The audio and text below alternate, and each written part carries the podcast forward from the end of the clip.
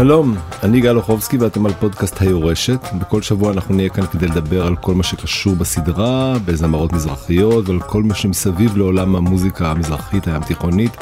והיום האורח שלי הוא איש מאוד מאוד אהוב וחשוב, יעקב למאי, המפיק המוזיקלי הכי בכיר בזמר הים תיכוני. שלום יעקב. שלום, מה שלומך? מצוין, איזה כיף שבאת. איזה כיף להיות פה. אתה בעצם באמת האיש הכי כאילו אם צריך לדבר על כל המוזיקה המזרחית בשלושים שנה האחרונות משנות התשעים אתה המפיק המוזיקלי.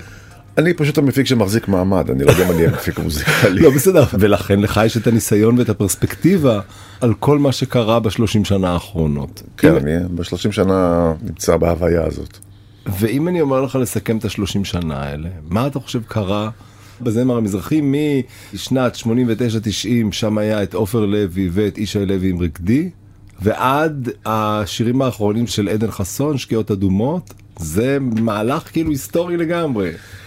תראה, השאלה מה, מה מגדירים כמוזיקה ים תיכונית מזרחית זאת אומרת אין הרבה קשר בין עופר לוי כנראה ועדן חסון ועדיין כביכול שמים אותם תחת אותה מסגרת. אז uh, כנראה שהדבר הזה לבש כל מיני צורות, כל מיני מוטציות היו למוזיקה הזאת. כן. והיו עליות וירידות, כן. תקופות שהמוזיקה הזאת נעלמה, וחזרה, נעלמה, וחזרה, לבשה צורה אחרת. כשאתה פוגש את עופר לוי נגיד ב-89, כן. באיזה עולם? כי אתה הרי באת מג'אז, למדת פסנתר, זה לא שאתה בא מהמועדונים הארדקור. התקליט הראשון שעשיתי, כן. ב-85 היה של בני ברמן, ועבדתי אז עם אה, דודו פישר, אסנת וישינסקי וכאלה. למי שלא מכיר זה נקרא עולמות השירה בציבור אני חושב. כן, בני ברמן זכרונו כן. לברכה. כן. כשהתוודעתי לעופר הוא היה עדיין לא ידוע, וגם לא היה את הסגנון מוזיקה הזה בכלל. שנקרא אז כאילו סגנון הבכי. טורקי מה שקוראים. כן, בעצם בתקופה ההיא המצאנו את הז'אנר הזה. כל מה שבא אחריו, אבי ביטר, משה כהן ודומיהם, באו אחרי עופר. ואני זוכר שכשהקלטנו את התקליט הראשון של עופר, שנקרא קלפן, אף אחד לא אהב את זה. כולם לא הבינו בכלל מה עשינו. אבל אתה כשבאת לזה, מה חשבת? שזה יכבוש את המדינה? כן. שזה, כן? כן. הרגשתי שיש בזה איזשהו רגש שכאילו חסר פה, ושיקח לאנשים אמנם זמן להתחבר, אבל בגלל שיש בזה איזושהי אמת שהאמנתי בה, היה בזה משהו שחשבתי שיתפוס, כן. וזה באמת לקח יותר משנתיים או שלוש עד שזה התחיל לחלחל. ואז זה נהיה קלאסיקה. זה קרה כשעשינו את הדיסק השני שנקרא אהבה אמיתית של כן. עופר. כן. ואחר כך בא הדיסק השלישי שנקרא החזירי לבני שיצא במלחמת המפרץ ב-91 ששם זה כבר הפך למאוד ויראלי. בעצם היום כל האנשים שהם בזמר המזרחי ובים תיכוני הם מכירים עופר לוי כקלאסיקה כמו שנגיד אצלי מכירים אסתר עופרים. דרך איפה זה חלחל כי הרי זה לא היה ברדיו. דרך התחנה המרכזית בתל אביב. התחנה הזאת הייתה יותר מרדיו זה כאילו היה מרכז המדינה זה היה צועק מהרמקולים שם. וזה גם עבר מבין אדם אחד לשני אתה יודע כמעט באותה תקופה גם זהבה בן כן, התחילה. טיפת מזל. מזל. כן, וזה קרה משם. היא באה טיפה אחריו, אבל זה היה אותו סגנון. לך יש זיכרונות כאלה מהתקופה ההיא של למה לא מקבלים אותנו, למה זה לא בעיתונים, למה זה לא בטלוויזיה, למה לא, זה לא, לא בסיבה למסיבה? לא, לא. אני חושב שלא הייתי מודע אפילו לאפשרות הזאת שזה בכלל יהיה במדיה. Okay. אוקיי. כי זה כל כך היה מלמטה וזה גם כל כך עבד שלא היה נראה לי אפילו שכאילו ראינו צורך ב... גם כן. זה לא התאים, תשמע זה באמת לא התאים. גם היום אני חושב. זה לא התאים, זה לא דרך טובה להגדיר. לא, זה לא. התאים, כי כן. אתה יודע, עדיין יש איזה שהם קודים שכאילו צריך להיות תחתם. וזה באמת התאים לצמוח מלמטה, עד כן. שאחרי כמה דיסקים שעשיתי לו, בא דיסק שנקרא אוהב לחיות. ואז הוא בדיוק עשה גם את הדואט עם לאה לופטין.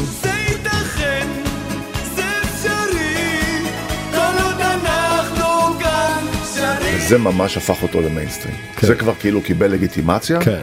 אז הסאונד כבר היה כאילו יותר מתקשר כן. למיינסטרים, ופחות לנישה הארטקור כן. המזרחי. ומצד שני היה שם גם את ישי לוי ואת רקדי. נכון. שרקדי זה אחד מהלהיטים, מה שנקרא מזרחים ים תיכוניים, הקרוס אוברים הראשונים אי פעם. נכון. כאילו זה מהר מאוד היה בכל החתונות. אל תשכח שברקע גם היה את זוהר ארגוב, הוא כבר היה... כן, ברור. הוא היה בשטח וזה. ישי לוי צמח טיפה אחריו. עשה קסטת קאברים, ואז הוא התחיל לעשות שירים מקוריים, ובאמת רקדי היה אחד הראשונים. גם הוא שרד את מבחן הזמן, עד היום, כן. אתה יודע, אני רואה בעכו"ם בתמלוגים כמה הוא מושמע, כמה מושמע, זה לא יאומן איך השיר הזה שרד 30 ומשהו שנים. וכשאתה מגיע נגיד ואני שוב פעם אני עובר איתך קדימה אתה פוגש היום את עדן חסון ואת עדן בן זקן כן. איך אתה משווה נגיד אותם כזמרים צעירים לישי לוי ועופר לוי זה דור? אחר. הזמרים היום הם הרבה יותר מודעים. הם הרבה יותר מכירים את כל העולמות של ה... כשאת בא זמר הוא כבר רואה את הקליפ שהוא הולך לעשות, את הקידומים שהוא הולך לעשות, את ההחצנות שהוא הולך לעשות, את ההפקה שהוא רוצה, הוא רואה הרבה מאוד דברים את שהזמרים... התעשייה של הדבר הזה. כן, הזמרים אז זה לא היה מעניין אותם, הוא היה בא, שר את השיר והולך. ואחר כך הוא היה שומע את השיר כשהוא גמור, יוצא לרדיו. היום הזמרים מעורבים, הצעירים מעורבים בכל התהליך. כן. כי כבר מגיל אפס הם מחוברים ליוטיוב, יש להם מחשב בבית ויש להם תוכנת Cubase, והם יודעים מה הם רוצים. הם כן, הרבה- עדן חסון התחיל ממש לעשות על המחשב את השירים שלו לבד. כן, הוא לגמרי יודע, הוא כשיורד לו שיר, הוא יורד לו כבר עם הקליפ ועם העיבוד ועם כשיורד הסאונד, לו שיר זה בהשראה שלו, בהשראה כן, שלו, שהוא כן. מקבל את השיר מלמעלה כן. כביכול, הוא כבר רואה את השיר בצורה המושלמת שלו. זה דור אחר, אז הדור ההוא צמח למציאות אחרת. אבל נגיד השירה שלהם האופן שבו הם מתייחסים למוזיקה הוא אחר או שזה אותו דבר? זמר הוא זמר הוא זמר. זמר הוא זמר הוא זמר, יש חשיבה כביכול שהיא לא נכונה, שפעם היה יותר טוב, זה שטות מוחלטת. תמיד כל דור מביא משהו יותר טוב מפעם, כי יש התפתחות. ברור. מי שחושב שכביכול היום המוזיקה היא פחות טובה, אז הוא לא רלוונטי למה שקורה. וברגע שאתה חושב שמה שקורה היום הוא פחות טוב, תחפש איפה אתה מפספס. כי היה פה יוני רואה כן. והוא דיבר לא יפה על עדן בן? זקן. הוא אמר שהיא לא זמרת מספיק טובה וזה היה לי מאוד קשה כי כאילו אני חושב שעדן היא נהדרת. אבל אתה דווקא בתור מי שעובד איתה ושומע אותה שרה כשהיא שרה באולפן. תראה, לכל זמר יש את היתרונות והחסרונות. כן. אני זוכר שפעם היא שרה פרסומת לשיר מלכת השושנים, כן. והיא עשתה את זה בסגנון כאילו שקט. כן. היא שרה לנו נגיד שניים שלושה משפטים, והיו לה כל כך הרבה ניואנסים, שבשניים שלושה משפטים היא שמה אותם, שאמרתי לעצמי וואו. צריך לדעת בכל זמר, הרי לא סתם מצליחה, היא מצליחה מאוד. כן. ואתה לא יכול להצליח מאוד מאוד, שאין מאחוריך משהו שהוא מיוחד ומיוחד כן. לה. אני חושב שהיא זמרת פנטסטית.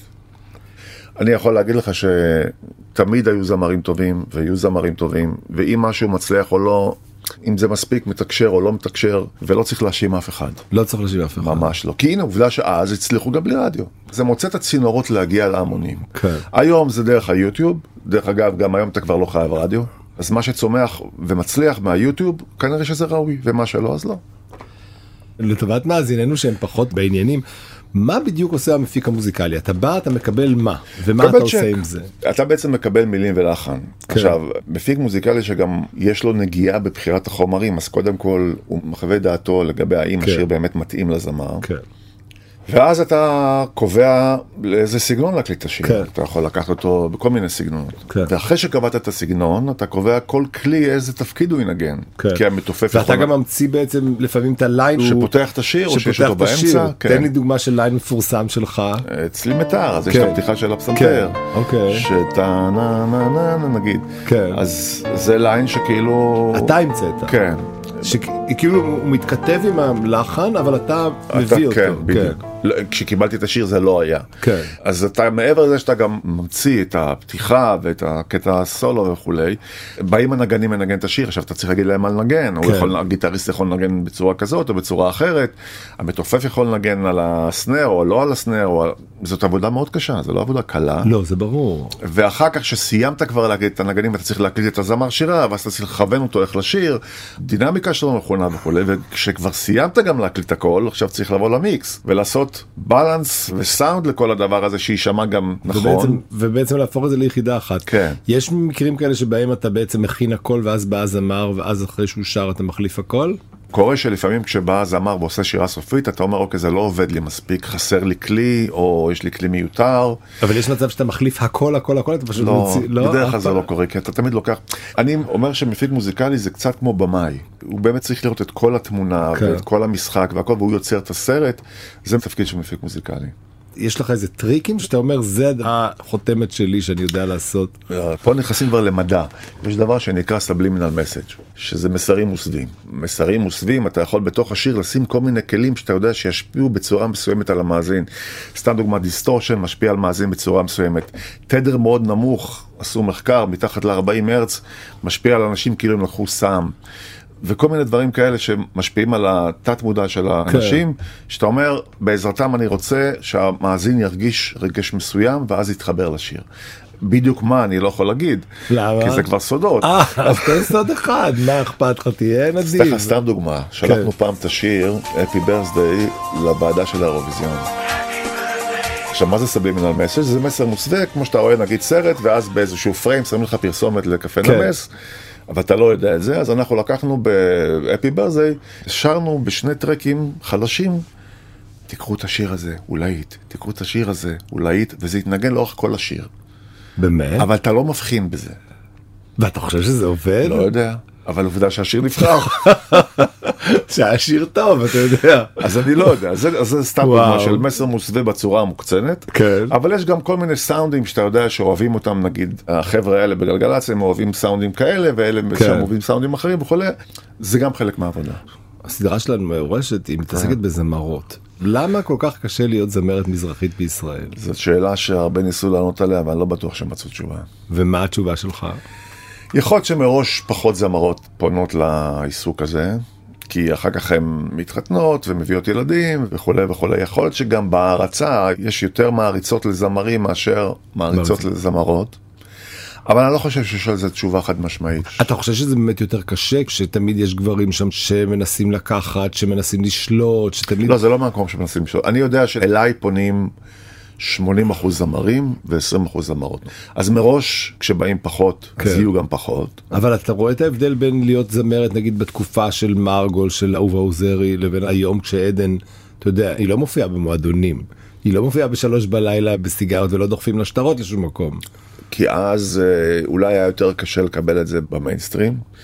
והיום אייל גולן כשעלה בפעם הראשונה עם להקת אתניקס הוא בעצם הפך את הכל אה, ללגיטימי. כן. ואז באה שרית חדד והמשיכה בדיוק את הדרך של אייל גולן. וזה כבר אה, להזמין זמר מזרחי לאירוע חברה כבר לא היה משהו שהוא כן. לא מקובל. והיום לא רק שזה מקובל זה זה השולט. בדיוק. אני אגיד לך גם כל הקטע הזה של מזרחי לא מזרחי אין באמת היום מוזיקה מזרחית. מזרחית בהגדרה שהייתה פעם. הכל התערבב כל הסגנונות מתערבבים. אני מבחינתי עדן חסון הוא לא באמת זמר מזרחי כמו שהיה בהגדרה של פעם. כן. הוא זמר ישראלי שיש לו נגיעות לפופ, קצת לרוק, קצת למזרחי, קצת לכל דבר. אז עכשיו אנחנו בכלל מקליטים שיר רגע כן. שהולך לצאת עוד מעט. שזה בעצם מה שהיה צריך לקרות, שהכל יתערבב. נכון, תראה גם זוהר גובה שעשה לו עיבודים לננסי אה, ברנדס. הרבה דברים שלו נשמעים בכלל סן רמו מה שקראנו. כן, פרט ל... בוא נגיד לצבע השירה של זוהר וגם דרך אגב שימי תבורי שאז שימי תבורי זה הדוגמה הכי טובה כל השירים האלה זה שירי סן רמו. נכון אז זה עוד פעם זה הכל עניין של הגדרות. ואנחנו אומרים את זה באופן חיובי לא באופן שלילי. לא זה שירים מדהימים כאלה אתה יודע. עובדה שהם שורדים כן. ברגע שזה שורד את מבחן הזמן אתה לא יכול להגיד על זה מילה רעה. אבל הרבה פעמים השרידה של מבחן הזמן היא גם קשורה לעיבוד. כי יש עיבודים כאלה שהם עם השנים עדיין נשמעים עגולים ויפים ויש כאלה שפשוט אתה לא יכול יותר. זה, זה בדיוק השאלה כשאתה עושה עיבוד כן. אתה שואל את עצמך האם לעשות את זה קלאסי או מעודכן. עכשיו במעודכן יש מוקש כן. כי זה מעודכן להיום. עוד שנה זה כבר לא יהיה מעודכן. כן. האם אתה עושה את זה קלאסי אז זה כאילו נשמע מיושן אבל זה יכול לשרוד את מבחן הזמן. כן. אז יש שירים שאתה אומר, אני לוקח את הצ'אנס, אני עושה את זה מעודכן, זה לא מעניין אותי שישרוד שנה, שנתיים ולא. כן. ויש שירים שבאמת בגלל שהם עשויים בצורה קלאסית, ולא מנסים להתעדכן בסאונד העכשווי, תן לי דוגמה. האחת שלי, סתם דוגמה. כן. אז זה, אתה יכול להיות שיר מכונות שמעודכן לאותה תקופה, לפני עשר שנים, עם סאונדים של מכונות, בלי נגנים וכולי, או שאתה אומר, אני אקח את זה יותר פשוט, אני אקליט תופים, אני אקליט בס, כי תופים ובס תמיד ישרדו את מבחן הזמן, כן. וזה שיר שישרוד תמיד. כשאתה בא לשיר, מה בא קודם? המילים, הלחן, ההפקה, הזמר? תראה, החשיבות היא כזאת, הלחן זה המפגש הראשון של המאזין עם השיר. זאת אומרת, הלחן זה הדבר הראשון שמשפיע, כן. כמו שאתה רואה בחורה ואתה מתאהב בה במבט ראשון, באיך שהיא נראית. כן. המילים זה כבר האופי שלה. עכשיו, אני מכליל את זה בצורה ברור. גורפת, אבל זה בדרך כלל, יש אנשים שמתייחסים רק למילים ולא מעניין אותם הלחן, כן. ויש גם הפוך. עכשיו, יש עוד דברים שעובדים על המאזין. אם הוא מתאהב בצבע של הזמר, לגבי ההפקה היא נמצאת במקום פחות חשוב. הדבר הכי חשוב זה הצבע של הזמר, הלחן, המילים, ולאחר מכן העיבוד. עכשיו, עוד פעם, אני מכליל. תראה, הזמר, מה הוא עושה? הוא שר את המילים דרך הלחן. אבל מה שעובר למאזין, ולא תמיד אנחנו מודעים לזה, כן. זה האופי של הזמר. כן. זה מה שהזמר משדר במילים והלחן. זאת אומרת, אתה יכול לקחת מילים ולחן מסוימים, שישאיר אותם X, וישאיר אותם Y בצורה אחרת לגמרי, וזה יעבור אליך גם בצורה אחרת כן. לגמרי. ולפעמים זמר, זה מאוד חשוב האופי שלו. רגע, אבל אתה חושב שמי שהכי מצליח הוא הכי טוב? אני עדיין לא יודע מה זה הגדרה של טוב במוזיקה. אוקיי. כאילו מבחינתי, כן. אין טוב ורע. יש מצליח לא מצליח, אבל מי באמת יכול להגיד מה זה טוב? מה שהיה טוב לפני חמש שנים זה לא טוב היום, ומה כן. שטוב היום זה לא יהיה טוב עוד חמש. אז ההגדרות של טוב ולא טוב, אני לא חושב שיש מישהו שהוא מספיק מוסמך לקבוע את זה. יש אנשים שסתם אוהבים לשחק את המשחק הזה ולהגיד בעיניי זה טוב בעיניי זה לא אף אחד לא זה- הסמיך אותם להגיד מה טוב. ברור. הוא יכול להגיד אני אוהב או לא אוהב. כן. הוא יכול להגיד זה הצליח או לא הצליח. אבל לגבי טוב או לא טוב, זה טיפה לנכס לעצמך תכונות שאין לך. היה לנו מין עשור כזה נגיד של פריחת המוזיקה הים תיכונית עם אייל ושרית וכל האנשים מסביב ועכשיו יש גל לגמרי חדש של הפופ הישראלי כאילו הפופ העדכני שמתקשר באותה מידה עם העולם וגם עם מוזיקה ים תיכונית. קודם כל, כשבאו שרית ואייל, אחר כך, אחרי עשר שנים, לא היה מזרחית כמעט בארץ. בא הדור של בית ספר רימון. זה התחיל במאיה בוסקילה שהביאה פופ, ואז בא איה קורן, ומירי מסיקה, וקרן קרן פלס. פלס, כן. ולא היה מזרחית. אני זוכר שהיינו יושבים באולפן והיינו אומרים לעצמנו, למה אנחנו מקליטים בכלל? ואז... דור חדש הגיע, שזה משה פרץ ודודו אהרון, שהביאו סגנון משלהם, שזה נקרא סגנון בלאדי, ואז אייל גולן גם הוציא כמה להיטים גדולים כמו זה אני ועושה אותך מולי, והמזרחית עלתה מחדש. ואחר כך היא שוב ירדה, ואז באו החבר'ה של אה, פרויקט של רביבו, כן. והרימו את זה מהמקום הזה. כל פעם יש עליות וירידות. כן. כרגע מה שקורה, שבגלל שהנוער של היום מדליק את המחשב ומתחבר ליוטיוב, והוא לא צריך לשמוע רדיו, הוא בוחר לעצמו מה לשמוע. ברגע שהוא בוחר לעצמו מה לשמוע, הוא מחובר לחו"ל, כל מה שקורה בחו"ל משפיע עליו, והוא מצפה לשמוע את זה גם ממה שהוא קורה בארץ. ולכן היוצרים שהיום יוצרים, הם גם מושפעים, והכל התערבב. אז כן. כל ההפקות של היום, לפעמים לא מבחין אם זה שיר מחו"ל או שיר מהארץ. כן. וגם בגלל שהכל נהיה מאוד זמין מבחינת הטכנולוגיה, אז הרמה של ההפקות בארץ עלתה. כי פעם היית צריך אולפן של מיליוני דולרים, ולא היה את זה פה. והיום אתה צריך בסך הכל מחשב שאתה משקיע בו כמה עשרות אלפי שקלים ואתה יכול להגיע לסאונד מאוד מאוד קרוב למה שקורה כן. בחו"ל, אז כבר הכל נהיה מקשה אחת. אתה עובד עם השמות הכי חכמים כן. בתחומים האלה אתה מתחבר אליהם בקלות או שאתה בא כאילו עכשיו אני האב הגדול אני לא, לא, אני מתחבר אליהם כאילו אני אחד מהם, כי ברגע שאני אהיה מנותק מזה, זה בדיוק הרגע שאני צריך לפרוש. אז אם אתה לא יודע את כללי המשחק שמתחדשים כל הזמן, כן. ואתה מתעקש לשחק בחוקים שלך, אתה תמצא את עצמך מאוד מהר בחוץ. אז אם אני שומע משהו שמאוד מצליח ולא מוצא חן בעיניי, אני לא אומר שזה לא טוב, אני בודק איפה אני טועה. תן לי דוגמה. סתם דוגמה, הייתי בבת מצווה של אחיינית שלי, ואני שמעתי מוזיקה שאני רציתי ממש לעוף משם. זה היה רעש מההתחלה עד הסוף. ואני רואה את הילדים משתגעים. אז אני אומר, רגע, למה זה עובד עליהם ועליי לא? ואז הלכתי לאולפן, פתחתי יוטיוב, התחלתי קצת לשמוע את הדברים האלה ולהבין את ההיגיון. זה לא מוזיקת מיינסטרים, כן אבל עדיין זה הפריע לי שלא הבנתי למה זה תפס אותם. היום אני כבר מבין. הבנתי. טוב נצא לחסות אחת ותכף ממש חוזרים. מה ההבדל בין כשאתה בא להפיק תקליט כשאתה בא להפיק מופע? תראה, כשאתה בא להפיק תקליט, אז אתה קשור גם לבחירת החומרים. כן. שזה בעצם הדבר הכי משמעותי. ואתה צריך לראות כל זמר, באיזה חומרים הוא יכול להגיע לקהל שהוא מסמן. אז כאילו בחירת החומרים בהפקה של תקליט, זה דבר קריטי. כשאתה בא להפיק מופע אין לך לבחור חומרים, כי כבר כן. יש את החומרים. אתה בסך הכל מתרגם את מה שעשו בתקליט לצורה הבימתית של זה. אבל להפיק תקליט זה הרבה יותר מורכב, כי אתה בעצם יוצר את המוצר מאפס. אז זה מתחיל בבחירת החומרים, לעשות סקיצות, לפעמים אתה עושה עשרות סקיצות שלא יוצא מזה שום דבר, זה תהליך הרבה יותר מייגע. ותמיד אתה מוביל אותו או הזמר מוביל אותו? תלוי מי הזמר. יש זמרים שהם באים אליי עם חומרים מוכנים, בוא תקליט לי את השיר הזה והזה, ויש זמרים שאני מאוד מאוד מעורב בחומרים אתה יכול שלהם. לתת דוגמאות? אה, נגיד עם עדן חסון, אז כן. אנחנו עובדים אה, יד ביד בכל התהליך, זאת אומרת אנחנו בוחרים ביחד את השירים, מקליטים, מוציאים כל שיר בעיתוי שאנחנו חושבים וכולי. כן. ויש זמרים שאני נותן להם שירותי עיבוד דוגמת דודו אהרון וכל הזמרים המוכרים שאתה בעצם כן. מכיר. כי אתה עובד עם כולם בעצם. כן, נאמר אייל גולן, הייתה לנו תקופה שהיינו יושבים ובוחרים ביחד את החומרים, הייתי מייעץ לו מאוד. הוא היה מקבל 5,000 שירים נכון. בכל דיסק, ולך עכשיו תוציא מזה עשרה או 12. אז היינו יושבים שעות ובוחרים. שומעים את השירים. שומעים מאות שירים. לפעמים יש את האמירה הזאת שאומרת שאחד הדברים שזמר הכי צריך לדעת זה לבחור שירים בעצם. כאילו אייל יש לו אוזן נורא טובה. נכון, זה אינטואיציה. בגלל זה הוא מצליח כאילו לבחור תמיד את השירים הנכונים. נכון, אבל יש לפעמים שאתה צריך גם לכוון את הזמר, שאתה חושב ששיר יש לו מאוד סיכוי לתפוס, והזמר לא כל כך מאמין.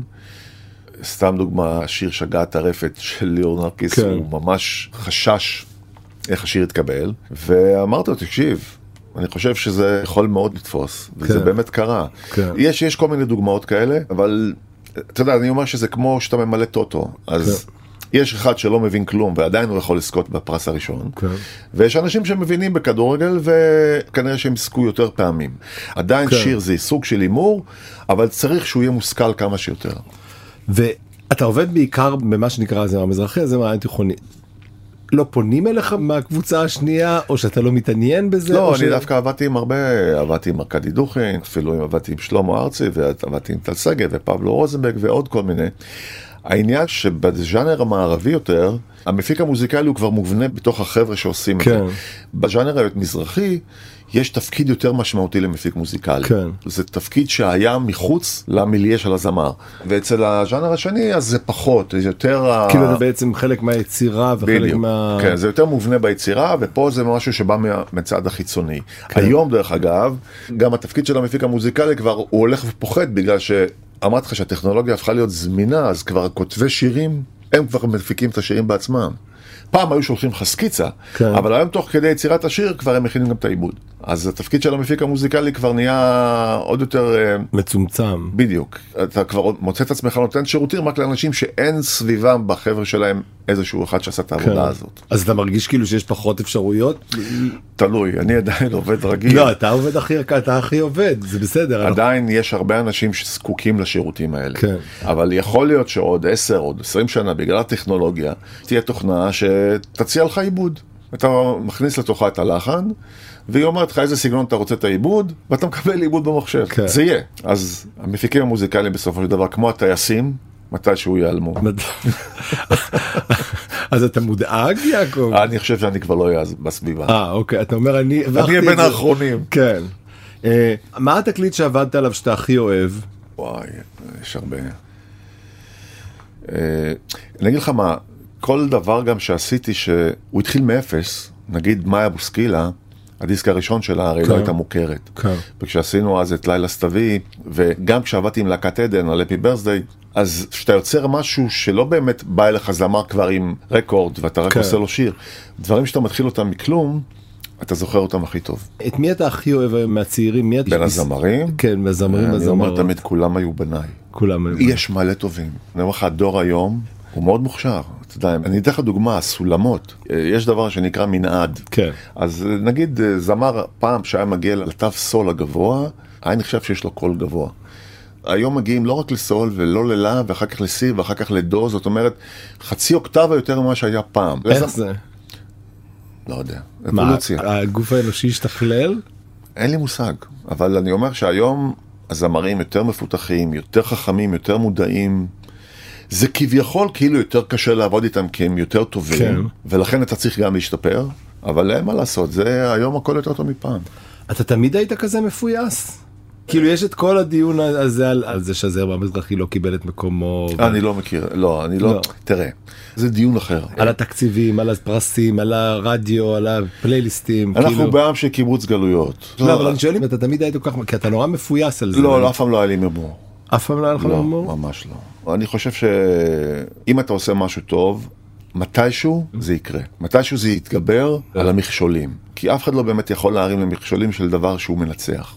אז זה ייקח לזה טיפה יותר זמן לנצח.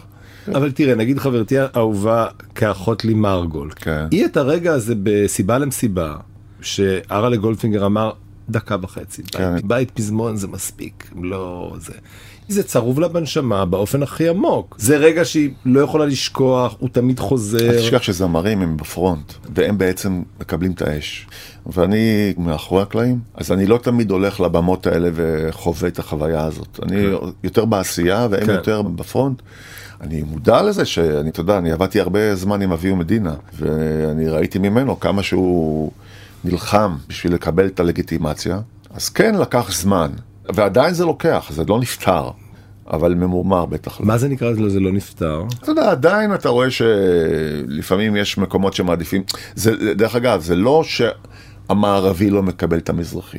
לפעמים גם המזרחי לא מקבל את המערבי, זאת אומרת, זה לא כן. נחלה של רק חלק מהאוכלוסייה, זה כולם. קשה לנו לקבל את האחר. אז אני לא מאשים אף אחד. לאט לאט זה מתמזג, מתישהו בעתיד, זה יהיה הומוגני לגמרי, ולא צריך להתרגש. לא צריך לא, להתרגש. זה טבעי.